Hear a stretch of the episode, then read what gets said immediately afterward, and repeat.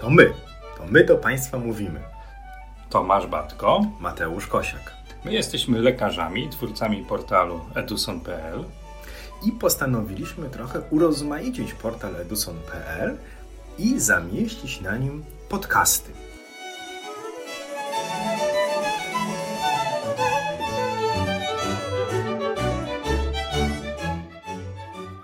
Nadszedł czas, abyśmy porozmawiali o tym, jak zmieni się obraz na ekranie naszego ultrasonografu, kiedy włączymy opcję kolorowego Dopplera. Chcemy się wspólnie zastanowić nad tym, jakie nowe elementy pojawią się na ekranie aparatu USG, co one oznaczają i jak zmienić sobie parametry obrazowania, tak żeby móc dalej bezpiecznie wykonać badanie doplerowskie. Ktoś może powiedzieć, wiesz, to jest proste, należy wcisnąć przycisk C jak color, CD jak color Doppler, no i będziesz miał przepływ, jak będziesz go miał, albo nie zobaczysz przepływu tam, gdzie go nie ma. Niestety, tak to nie działa. Mówiliśmy już na wcześniejszych spotkaniach, że pierwszym krokiem do uzyskania dobrego obrazu w opcji doplerowskiej jest ustawienie odpowiednio obrazu w skali szarości. Ręka musi być stabilna, interesujące nas naczynie musi być w centrum ekranu. My nie możemy latać głowicą po brzuchu, szyi czy czymkolwiek, szukając tego naczynia z włączoną opcją doplerowską. Musimy dobrze ustawić aparat w odcieniach szarości i dopiero potem naciskamy C jak color, CD jak color Doppler. No właśnie, bo najpierw ta ręka, która trzyma głowicę, musi być nieruchomo ustawiona nad naczyniem, pod warunkiem, że chcemy zobaczyć przepływ w naczyniu. Bo być może chcemy ocenić sobie unaczynienie miąższowe, to o czym rozmawialiśmy w poprzednim naszym podcaście, albo zobaczyć wzorzec unaczynienia danej struktury. Wtedy nie włączymy kolorowego Dopplera, tylko włączymy Dopplera mocy, ale efekt, który uzyskamy na ekranie, będzie zbliżony i zależny przede wszystkim od tego, jak dobrej jakości jest obraz we wspomnianej przez Ciebie skali szarości. Zatem punkt pierwszy: dobry obraz w skali szarości. Punkt drugi: włączamy opcję kolorowego Dopplera i pojawiają nam się następujące nowe elementy na ekranie. Pojawia nam się bramka doplerowska, pojawia nam się po lewej stronie ekranu taki pasek koloru od czerwonego do niebieskiego bądź od niebieskiego do czerwonego, nad którym to pojawiają się cyferki w centymetrach na sekundę wyrażone. Te trzy elementy zobaczymy po włączeniu opcji kolorowego Dopplera i jak sobie z nimi poradzić.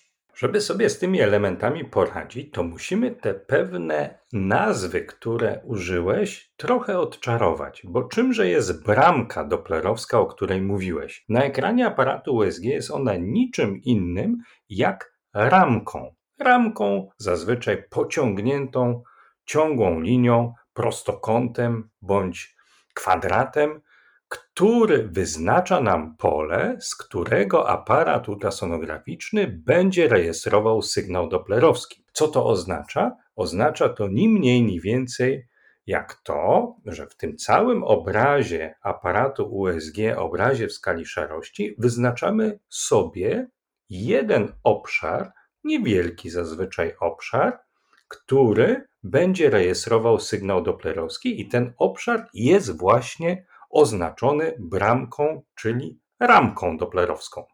No i tę bramkę, czyli ramkę, możemy przesuwać sobie po ekranie. Musimy nią trafić w interesujące nas naczynie. Możemy ją powiększać, rozszerzać albo zwiększać. Zawsze na zajęciach praktycznych pojawia się pytanie: Panie doktorze, a jak zmienić wielkość bramki doplerowskiej? Otóż wielkość bramki doplerowskiej zmieniamy naciskając jeden z przycisków wokół trackballa. Nie powiemy dokładnie który, bo w różnych aparatach to jest różnie.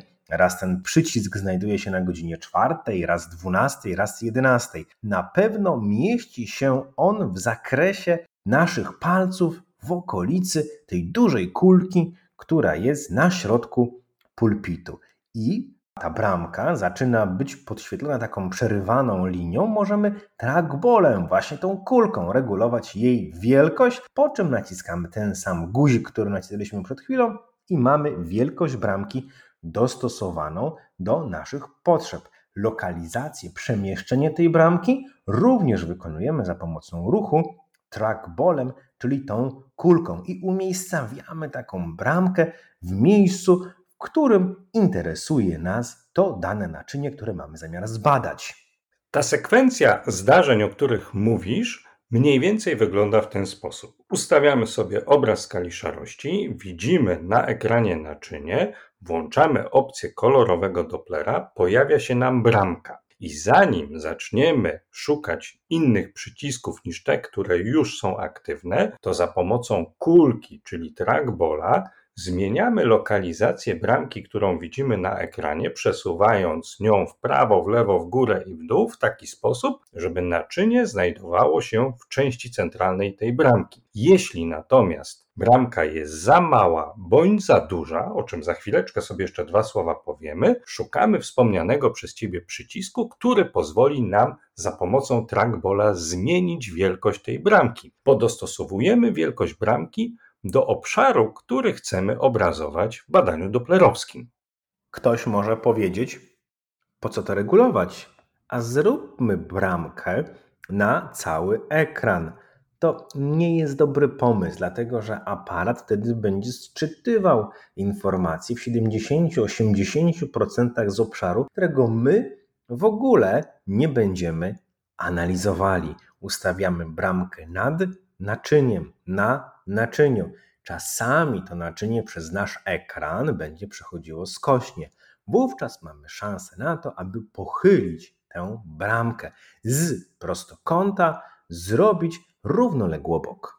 I to jest kolejna funkcja, którą możemy wykonać, stosując odpowiednie pokrętła. Zazwyczaj jedno z pokręteł pod ekranem aparatu, pod ekranem dotykowej części aparatu, pozwala nam zmienić kąt nachylenia bramki doplerowskiej.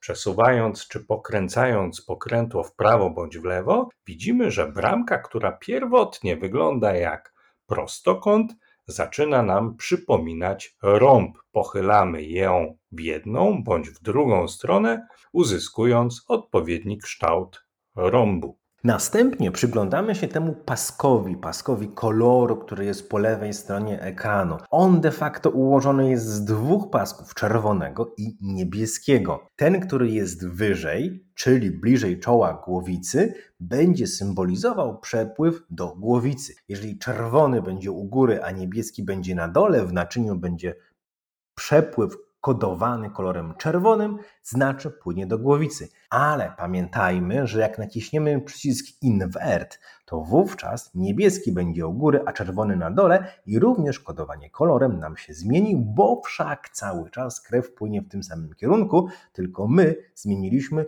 kodowanie kierunku przepływu. I to kodowanie kierunku przepływu, to czy krew płynie kolorze czerwonym, czy krew płynie w kolorze niebieskim, z jednej strony zmieniamy właśnie za pomocą tej mapy kolorów, o której wspomniałeś, ale z drugiej strony musimy pamiętać też o tym, że nachylenie głowicy, którą trzymamy w ręku względem naczynia, zwłaszcza jeżeli widzimy to naczynie w przekroju poprzecznym, też może zmienić kierunek przepływu krwi względem czoła głowicy. Bardzo łatwo możemy ten efekt uzyskać, badając na przykład tętnicę szyjną wspólną u naszych pacjentów przekroju poprzecznym. Jeśli pochylimy głowicę w kierunku głowy pacjenta, krew będzie się kodowała na czerwono bądź na niebiesko, w zależności od mapy, którą widzimy na ekranie. Jeśli pochylimy głowicę w przeciwną stronę, czyli w stronę serca, zauważymy, że kolor wypełniający naczynie zmieni się na przeciwny. I zwróćmy jeszcze uwagę, że nad paskiem tego koloru są takie cyferki albo liczby 20, 25, albo więcej, albo mniej, z jednostką centymetry na sekundę. One są u góry i na dole. To jest pewnego rodzaju uproszczenie. Tutaj nie chodzi o prędkość przepływu, e, która leci sobie z głowicy, czy do tej głowicy powraca, Tu chodzi o dostosowanie się częstotliwości wysyłanej fali ultradźwiękowej do przepływu krwi w naczyniu. Będziemy o tym mówili na kolejnym spotkaniu. Ten PRF będzie dotyczył tego, że jeżeli obserwujemy jakieś zjawisko, które jest zjawiskiem dynamicznym, musimy je obserwować w pewien sposób.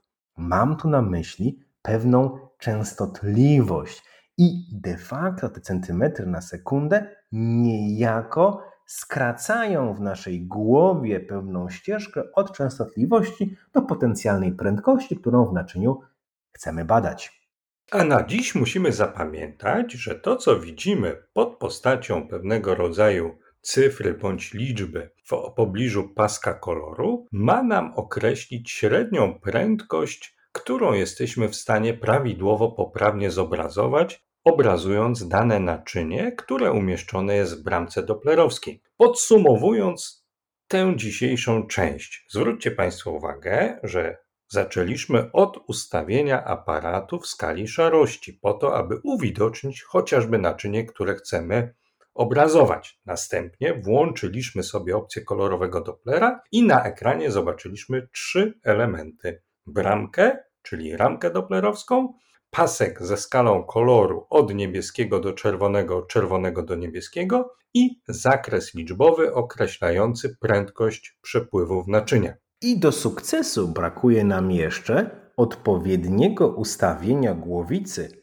pod kątem do naczynia. To jest jedna rzecz. I druga rzecz, odpowiedniego ustawienia wzmocnienia Dopplera. My rozmawialiśmy wielokrotnie o wzmocnieniu w cieniach szarości, ale teraz musimy także dołożyć do tego nie tyle wzmocnienie w odcieniach szarości, ale wzmocnienie sygnału doplerowskiego.